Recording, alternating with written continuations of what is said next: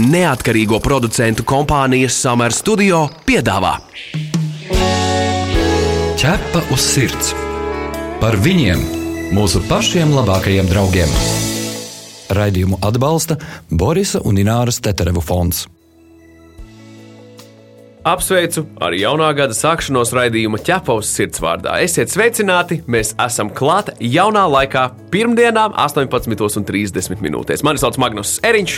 Mani sauc Inese Kreitsberga. Laimīgu, laimīgu jauno gadu visiem, arī ķepaus sirds uzticīgiem klausītājiem un skatītājiem. Nu, jaunais gads ir sācies, un jaunais gads ir sācies arī ar labām domām un cerībām, cerams. Ja? Bet kā tu, Magnus, teici, ka šī ir smagākā gada diena vai kā? Es smagākā gada pirmdiena. Nu, nu jā, taču brīvdienas tikko muguras, beigušās. Jā. Nu jā, nu jā, nu jā. Pirmā gada darba diena, un uh, es esmu arī pārliecināts, ka šis 3. janvāris noteikti nav patīkamākais janvāris tiem cilvēkiem, kuriem ir pazuduši mājdzīvnieki vecgadu vakar salūta dēļ vai vienkārši vecgadu salūta Jā, dēļ. un katru gadu viens un tas pats no jauna. Mēs pa brīdim runājam, brīdinam cilvēkus uzpasēt suņus un, un pārējos dzīvniekus salūta un svētku laikā. Un, diemžēl atkal un atkal gads ir sācies ar ļoti daudziem paziņojumiem un, un izmisuma kliedzieniem un saucieniem par to, ka pazudis dzīvnieks ir.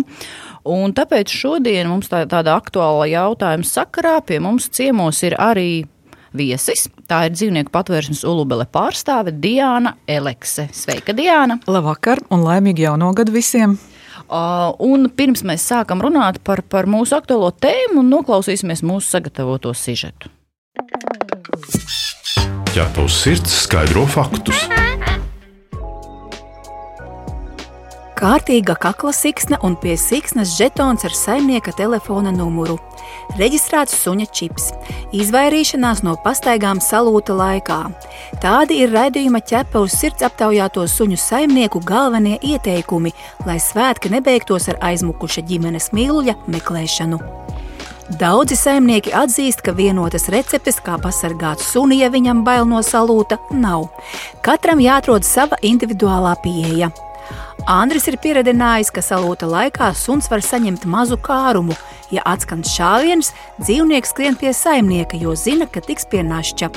Suns gan svētku laikā tāpēc mēdz nedaudz pārēsties, bet Andris uzskata, ka mērķis attaisno līdzekļus. Baiba savam acu raugam vēl mazam esot atskaņojusi dažādus trokšņus, lai viņš pie tiem pierod. Pirmajā piedzīvotā pērkona laikā un pirmajā salūta laikā bijusi mīlulim klāt, pajājot un bužinot. Rezultātā suns ir pieradis un pērkonu vai salūtu tikai nedaudz apreji. Kristīnas paziņu sunim, lielajam Sanbernāram, bijis ļoti bail no salūta. Saimnieki to apzinoties, speciāli devušies jauno gadu sagaidīt kādā viesu mājā meža vidū un bijuši visu laiku mīlulim līdzās. Tikai nav iedomājušies, ka suns ir spējīgs aizmukt pa caur aizvērtu logu. Bet tāpat kaut kur kaut kas gadījās, un bija jā, gadījums, ka no tām bailēm iztikt logu pirtī un aiztiet prom mežā. Tāpēc paredzēt neko iepriekš nevar. Ģimene ar to rēķinājās, ka suns ļoti bailīgs ir no salūta. Tur varēja ierobežot, kā tu gribi tās bailes ņēma virsmu. Viena no lielākajām problēmām - uguņošana nenotiek tikai un vienīgi gadumijā. Tādēļ ieteikums saimniekiem nelaist suni ārā bez pavadas arī janvārī, jo visu pēdējo gada mēnesi līdz pat vecajam jaunajam gadam, proti janvāra vidum, salūts var atskanēt jebkurā mirklī un jebkurā vietā. Lai gan Lāsmas pieredze nav saistīta tieši ar salūtu, arī viņa suns negaidīti no pārbīļa ir aizmucis. Abu suņu staidzināšanu viņa bija uzticējusi savam dzīves biedram, kurš toreiz vēl īsti nav pārzinājis četrkājai no mīluļu izdarības. Viņa bija netālu no mājām, parciņā skraidīja un, un skrienot. Suns uh, pieskrēja priekšā toreizējiem draugam, tagad vīram.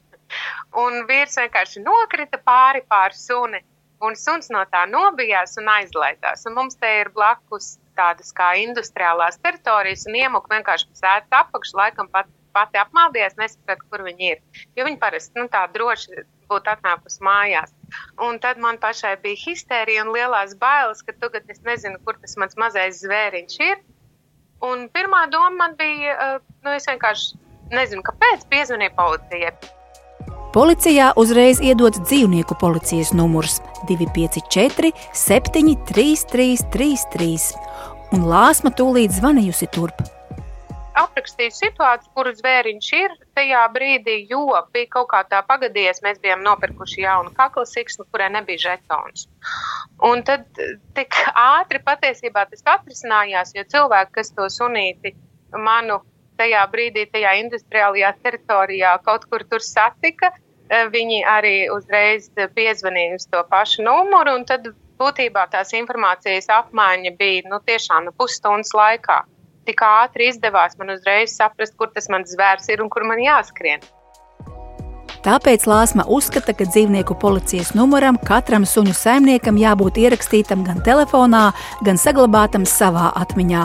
Gluži tāpat kā 112 vai kāds cits ārkārtas situācijas numurs. Dzīvnieku policijas mobilais numurs 254 733 33. Ķepa uz sirds Jautā ekspertam. Aizvadītajā gadā, tad, kad bija pirmās mājasēdes, uh, statistiski nesamazinājās vai ne pazudušo dzīvnieku skaits salīdzinoši ar to laiku, kad mājasēde tāda mums nebija. Nē, jaungada brīvdienās un jaungada naktī nonākušo dzīvnieku skaits gluži otrādi tieši bija palielinājies. Bija vairāk nekā iepriekšējos gados. Un tas liecina par to, ka tā ir tā lieta, ko mēs nevaram paredzēt. Patiesībā sakot, tā ir tā lieta, ko mēs varam paredzēt, un ļoti skaidri varam paredzēt. Un katru gadu mēs stāstam par to pirms svētkiem, pirms jaungada brīvdienām, pirms jebkuriem svētkiem, kā sargiet savus mājdzīvniekus. Bet atkal un atkal šī situācija atkārtojas, kāpēc, Diana, tavuprāt, tas tā notiek? Cilvēki to vienkārši uz sevi neatiecina. Tā kā ar manu suni tas nekad nenotiks. Nu, tā ir tāda bezrūpība, vieglprātība, un uh, es gribētu teikt arī bezatbildība, protams, Daudziem liekas, ka ar mani sunu nekad tas nenotiks, ar mani nekad tas nenotiks. Tas viss attiecās tikai uz citiem, ne uz mani. Un ļoti bieži arī cilvēki saka, nu kā, mans suns jau nebaidās ne no pērkona, ne no šāvieniem.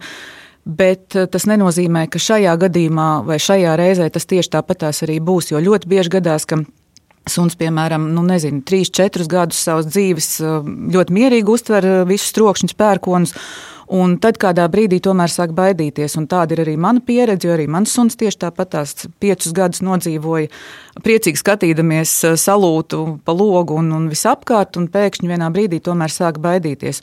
Un tad, tad eh, visiem tas ir nu, jāliek visiem aiz auss vai pie sirds, kā nu kuram ka uh, mājdzīvnieki ir tiešām iepriekš ļoti rūpīgi jāpasargā, jānoslēpj, jādod viņiem iespēju noslēpties un uh, nav jāved ārā tajā laikā, kad skan trokšņi.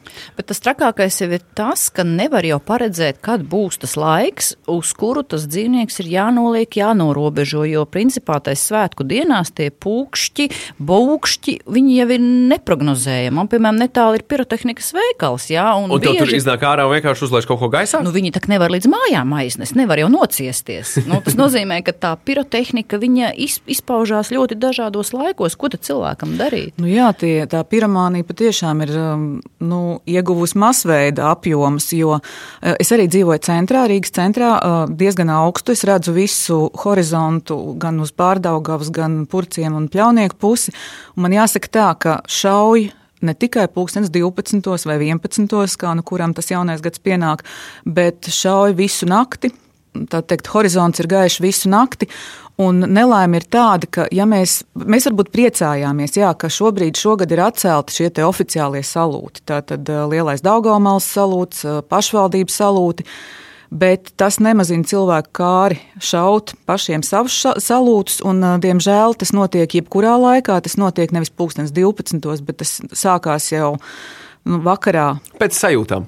Jā, pēc uh, svētku sajūtām, pēc kompānijas sajūtām, un, diemžēl, jā, tas dzīvnieks var pārbīties, jebkurā brīdī ejot pastaigāties turpat tūmā mājai, un arī tas, ka lielos salūtus mēs zinām, kur sagaidīt, kur gaidīt to troksni no kuras puses, bet ar šiem vietējiem salūtiem mēs nevaram saprast, kurā brīdī petardes vai, vai šāvieni būs tepat tās blakus vai kaimiņu mājā vai mums acu priekšā.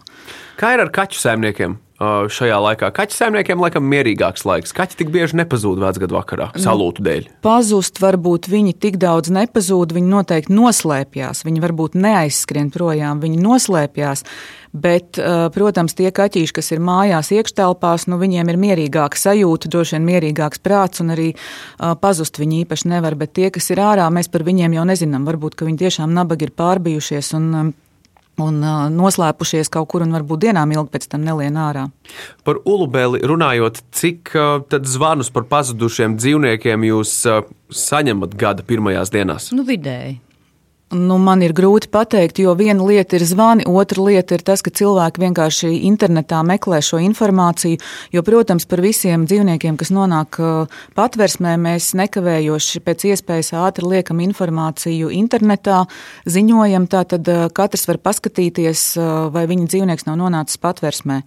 Protams, mēs arī sekojam līdzi gan sociālajiem tīkliem, gan visiem portāliem un skatāmies, vai kāds nav ziņojis par pazudušo. Tātad mēs varam salikt kopā šos divus galus, kādam ir pazudis, kāds dzīvnieks anonīms ir nonācis pie mums, un tādā veidā viņš var ātrāk atgriezties mājās. Par to, cik piezvana, es pat vidēji nevaru pateikt, jo es saku, jo šī informācija cilvēkiem nonāk dažādos veidos.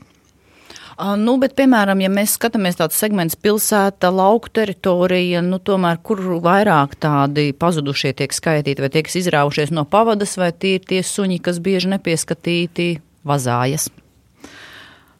Nu, es domāju, tā, ka ir gan pilsētā, gan laukos, tur, kur šauj. Tur arī ir šie pazudušie un sabijušie dzīvnieki. Protams, pilsētā vienkārši cilvēki viņus vairāk izved ārā, iet paši skatīties, salūtu un nepadomā, ka suni nevajadzētu paņemt līdzi. Tāpēc, Viņa aizmūg. Bet uh, vēl viena lieta, ko es gribētu teikt, ka, protams, ka tad, kad atskan troksnis, uh, salūts šāviens, suns ir pārbies, ko viņš dara? Viņš bēg viņš skrien. Un tas, ka viņš ir pamucis, piemēram, kaut kur Rīgas centrā vai Purciemā, nenozīmē, ka viņš arī tur atradīsies. Iespējams, ka viņš šajā savā skrējienā ir aizskrējis kilometriem tālu. Un tas, ka viņš ir izmucis Rīgā, varbūt viņš atrodas kaut kur Mārupas otrā galā vai, vai tieši otrādi. Ja? Tāpēc nu, mēs nevaram teikt tā, ka mēs varam viņu meklēt tepatās blakus apkārt. Visticamāk, ka viņš ir vienkārši amoku skrējienā paņēmis melno vīli kaut kur pats nesaprastams, kurā virzienā, cik tālu var aizskriet. Nu, šajā mirklī būtu jādomā arī par saimnieku rīcību. Loģiski, ka vajadzētu sunim būt kakla siksnai ar žetonu, ar kontaktinformāciju. Tehnoloģija laikmetā dzīvojot, vai ne, domas varbūt arī par raidītāju nav sliktākās, bet tas, tas diemžēl, nenotiek. Sāksim jau ar to, ka no 17. gada 1. janvāra Tad šobrīd aprit tieši precīzi četri gadi. Visiem suņiem ir jābūt čipētiem un reģistrētiem. To, kāda ir realitāte, mēs redzam, jo, ja suns ir čipēts un reģistrēts, tad viņš bieži vien līdz patvērsmē nemaz nenonāk. Patversmē nonāk visbiežāk anonīmi, kuri vai nu nav čipēti, vai arī ir čipēti un nav reģistrēti. Tad mums nav ne mazākās nojausmas, kas ir saimnieks un kur viņu meklēt. Līdz ar to, ja suns ir čipēts un reģistrēts, viņš ļoti ātri atgriežas atpakaļ pie saimnieka. Bet to jau tikai var saprast, ja ir tas čipa lasītājs. Tieši Viņš tā, pat var nonākt jā. patversmē, patversmē nolasa čipu un atrod saimnieku. Vai, vai nu veterinārijā klīnikā vai pašvaldības policijā ļoti bieži ir čipu lasītāji, ja, tad, vai arī ķērājs, ja izbrauc uz, nu, uz šo te izsaukumu, tad, tad var nolasīt čipu uz vietas. Viņš pat var nenonākt līdz patversmē. Bet, protams, ka daudz vienkāršāk ir lai ik viens cilvēks, parastais, kurš suni ierauga, pietur, noķer, varētu pēc iespējas ātrāk sazināties ar saimnieku. Tas ir tikai loģiski un cilvēcīgi, ka sunim uz kaklas siksnas ir vai nu saimnieka telefona numurs, vai ir žetoniņš ar saimnieka telefona numuru, karabīna. Ja, tad nu, tas, tas ir daudz ātrāk. Tur nav vajadzīgs čipu lasītājs, tur ir vajadzīgs vienkārši vēlēšanās piezvanīt saimniekam un pateikt, reku tavs suns gaida tevi šajā un tajā vietā. Nu, jā, cilvēkam liekas, ar manu suni tas nenotiks, bet tas ir tāds no nu, drošības garants. Jo tas, cik tur maksā, tur tas žetoniņš 2,50 varbūt, lai iegravētu, bet nu, to varētu uzlikt. Nu, bet... un, piedošana, un uzrakstīt ar pildspalvas kaklas siksnas nemaksā vispār neko.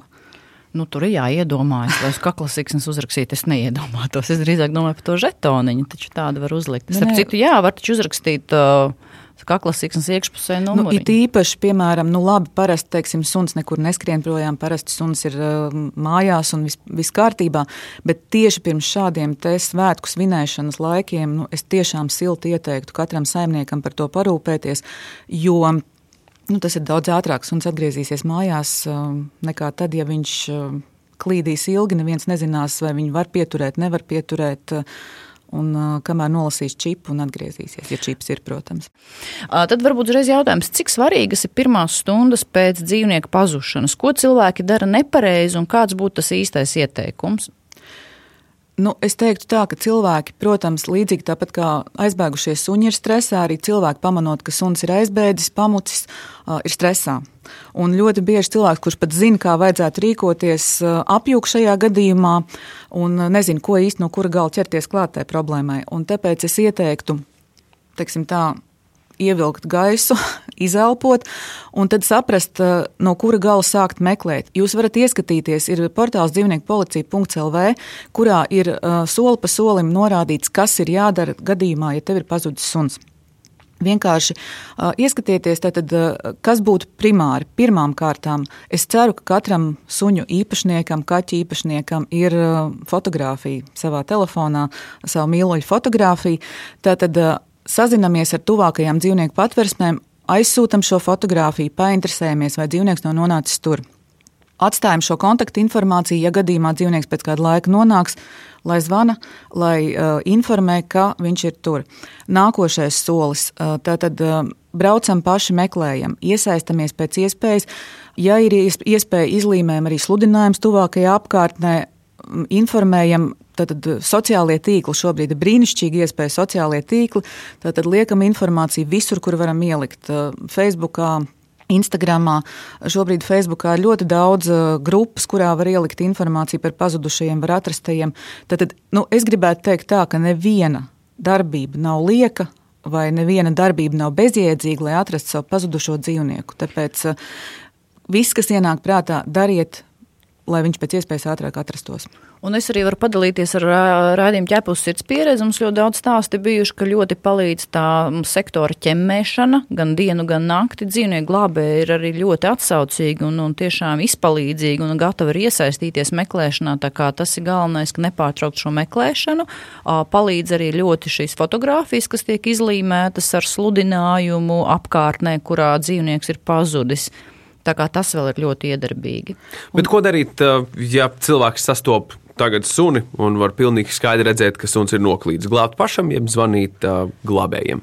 Tas ir jāskatās pēc situācijas. Ja suns jūtās apjucis, jūs redzat, ka viņš nesaprot, uz kuru pusi iet, varat droši mēģināt piesaukt viņu klāt. Ja viņš ir draudzīgs, ja viņš nāk klāt, jūs varat paņemt viņu aiz kakla siksni, paskatīties, tad, kā mēs runājam, varbūt ir šis telefona numurs uzrakstīts. Ja baidaties, tad noteikti vajadzētu saukt uh, dzīvnieku ķērājus, glābējus.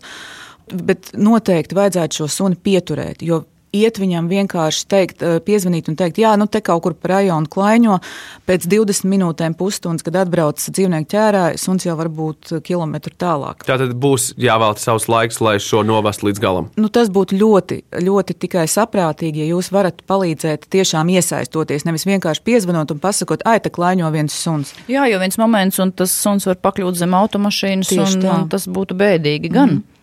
Tieši tā. Tā kā iesaistīšanās tas nenozīmē tikai piezvanīt un informēt. Iesaistīšanās nozīmē arī tiešām, kā Magnus teica, veltīt laiku, palikt mazliet ilgāk un būt drošam, ka suns un ķērāji vai suns un policija, kā nu kurā gadījumā, ja tad eh, viens otru satiek. Es esmu dzirdējis arī par cilvēkiem, kuri ir diezgan neapmierināti pēc tam, kad uh, suns tiek atrasts un viņš ir bijis patvērsmē. Viņi, viņi nesaprot, kāpēc viņiem ir jāmaksā par šīm izdarībām. Ir tāda lieta, ir jāmaksā, piemēram, ja man pazudis dzīvnieks un viņi atrod dzīvnieku ķērājas aizgādā līdz patvērsmē. Un, hei, par ko es maksāju un cik man ir vispār jāmaksā?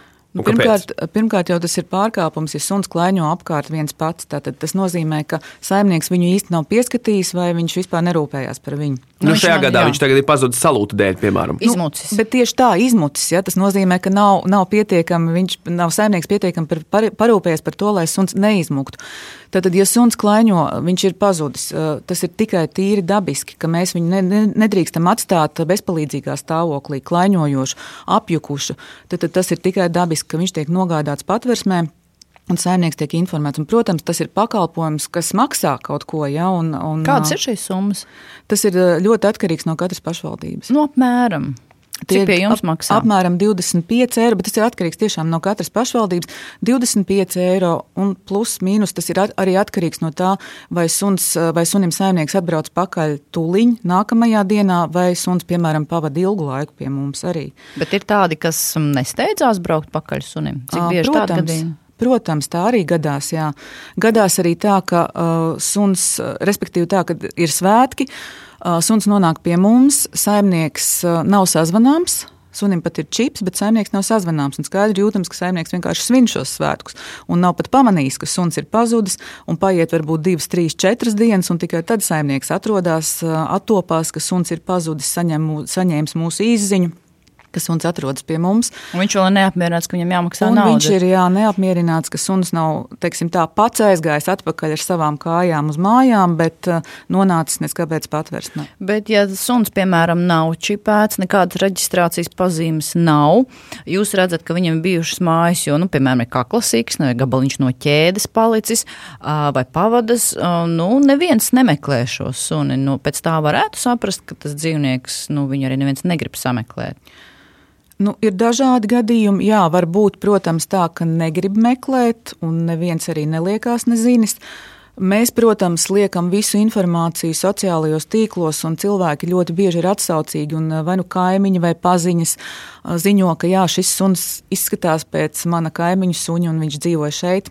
Mēs ļoti bieži arī, vai mūsu brīvprātīgi arī mēģina sazināties ar šo cilvēku. Ja izrādās, ka viņam nav nekāda interese par savu dzīvnieku, tad, protams, mēs negribam atdot atpakaļ suni cilvēkam, kuram viņš nav vajadzīgs pēc būtības. Atgādinām, ka pie mums šodienas studijā ir dzīvnieku patvērsmes ulubele pārstāve Diana Elekse, un mēs runājam par to, kā meklēt pazudušu mīluli. Arī šo raidījumu varat dzirdēt populārākajās straumēšanas vietnēs podkāstu formā, kā arī Latvijas radio mājaslapā, arhīvu sadaļā. Visur kopā - ķepus sirds. Bet te ir arī vēl tāda interesanta lieta. Mm, kā jums liekas, vai cilvēki tomēr arī pārāk ātri nepārstāja meklēt? Nu, viņiem liekas, ja nedēļas laikā neatrodas dzīvnieks, tad noteikti cerības nav. Bet nu, dzīvnieks, piemēram, suns var noskriet daudzus kilometrus un ir eh, dzirdēti ļoti fantastiski izglābšanas stāsti pat pēc mēneša, pēc diviem. Kā jums liekas ar to laika griezienu, cik cilvēkiem ilgi būtu vēlams meklēt un, un, un kādi varētu būt vēl tie ieteikumi, lai neat, neatmest nemestu cerības. Nu, jā, šodien ir 3. janvārs, un uh, iespējams kāds uh, joprojām nav atradis savu pazudušo mīluli. Tiešām nu, nedrīkst pārtraukt meklēšanu tikai tāpēc, ka ir pagājušas dažas dienas.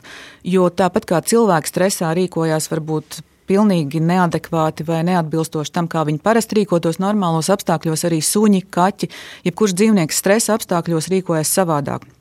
Iespējams, jā, kā Ines pareizi teica, viņš ir noskrējis milzīgu kilometrāžu, un mums ir bijuši gadījumi, ka, piemēram, dienas laikā suns, kas ir pamucis Rīgā, atrodas Siguldā. Tie ir 50 km, droši vien ārprātīgi amoku skrējienu. Protams, ka attopoties Siguldā, viņš nemūžam ne, nemācīs atpakaļ atrast ceļu uz mājām.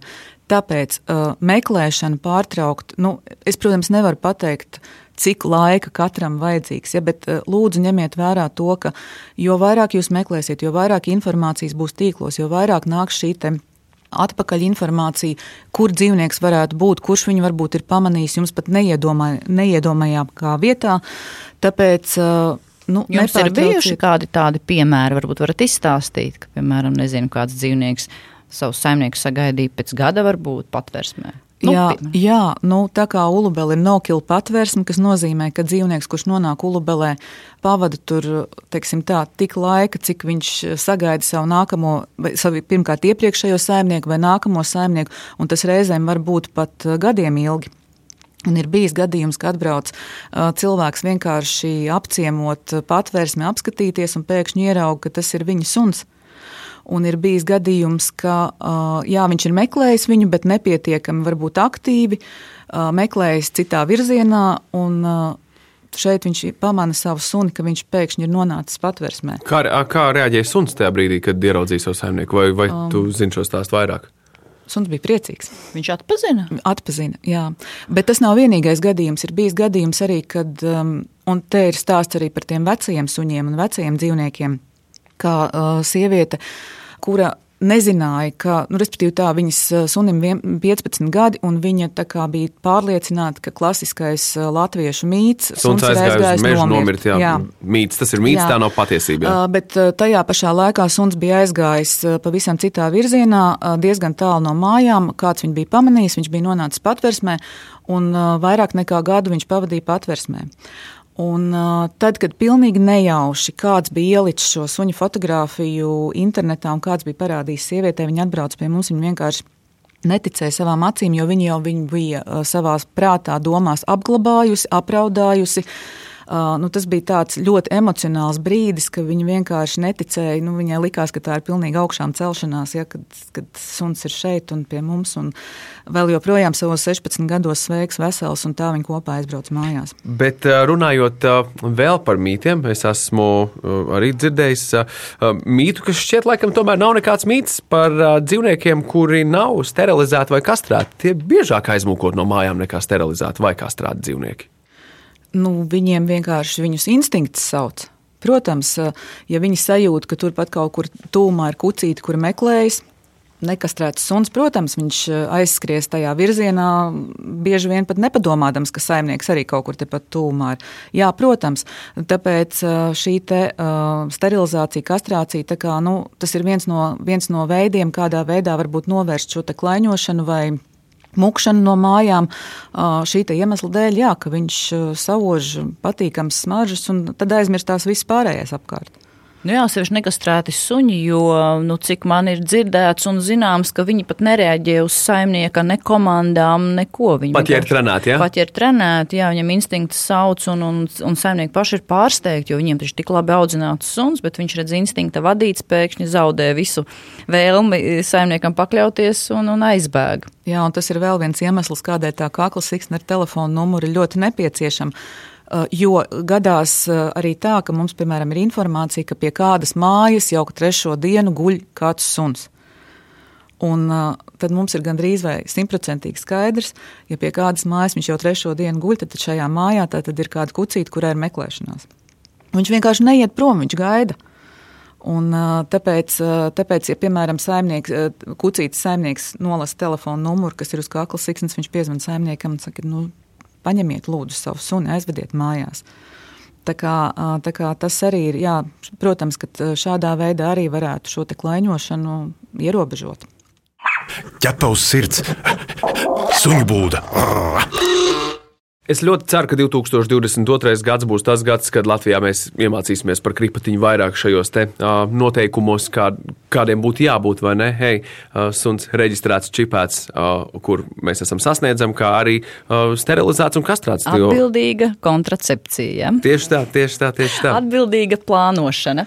Paldies Dijānai Aleksē, kas šodien bija kopā ar mums, dzīvnieku patversmes ulubele pārstāve, un rekā mums arī jaunas idejas turpmākiem raidījumiem, un jā, par to dzīvnieku sterilizāciju, nesterilizāciju, tur mums būs veselas tēmas raidījums patiesībā. Darīsim tā. Visiem novēlam laimīgu jauno gadu. Bet nākamajā raidījumā mēs runāsim par putnu barošanu ziemā. Darīt to vai nedarīt to, un kā pareizi rīkoties šādās Jā, jo bargā situācijās. ziema sākusies, un putniņiem un zvēriņiem arī droši vien ir augsti, un viņi grib ēst. Bet par to visu pēc nedēļas.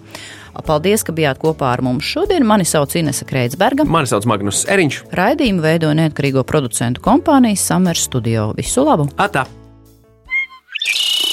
Ķepa uz sirds. Informatīvi izglītojoši raidījums par dzīvnieku pasauli un cilvēkiem tajā. Raidījumu atbalsta Borisa un Ināras Teterevu fonds.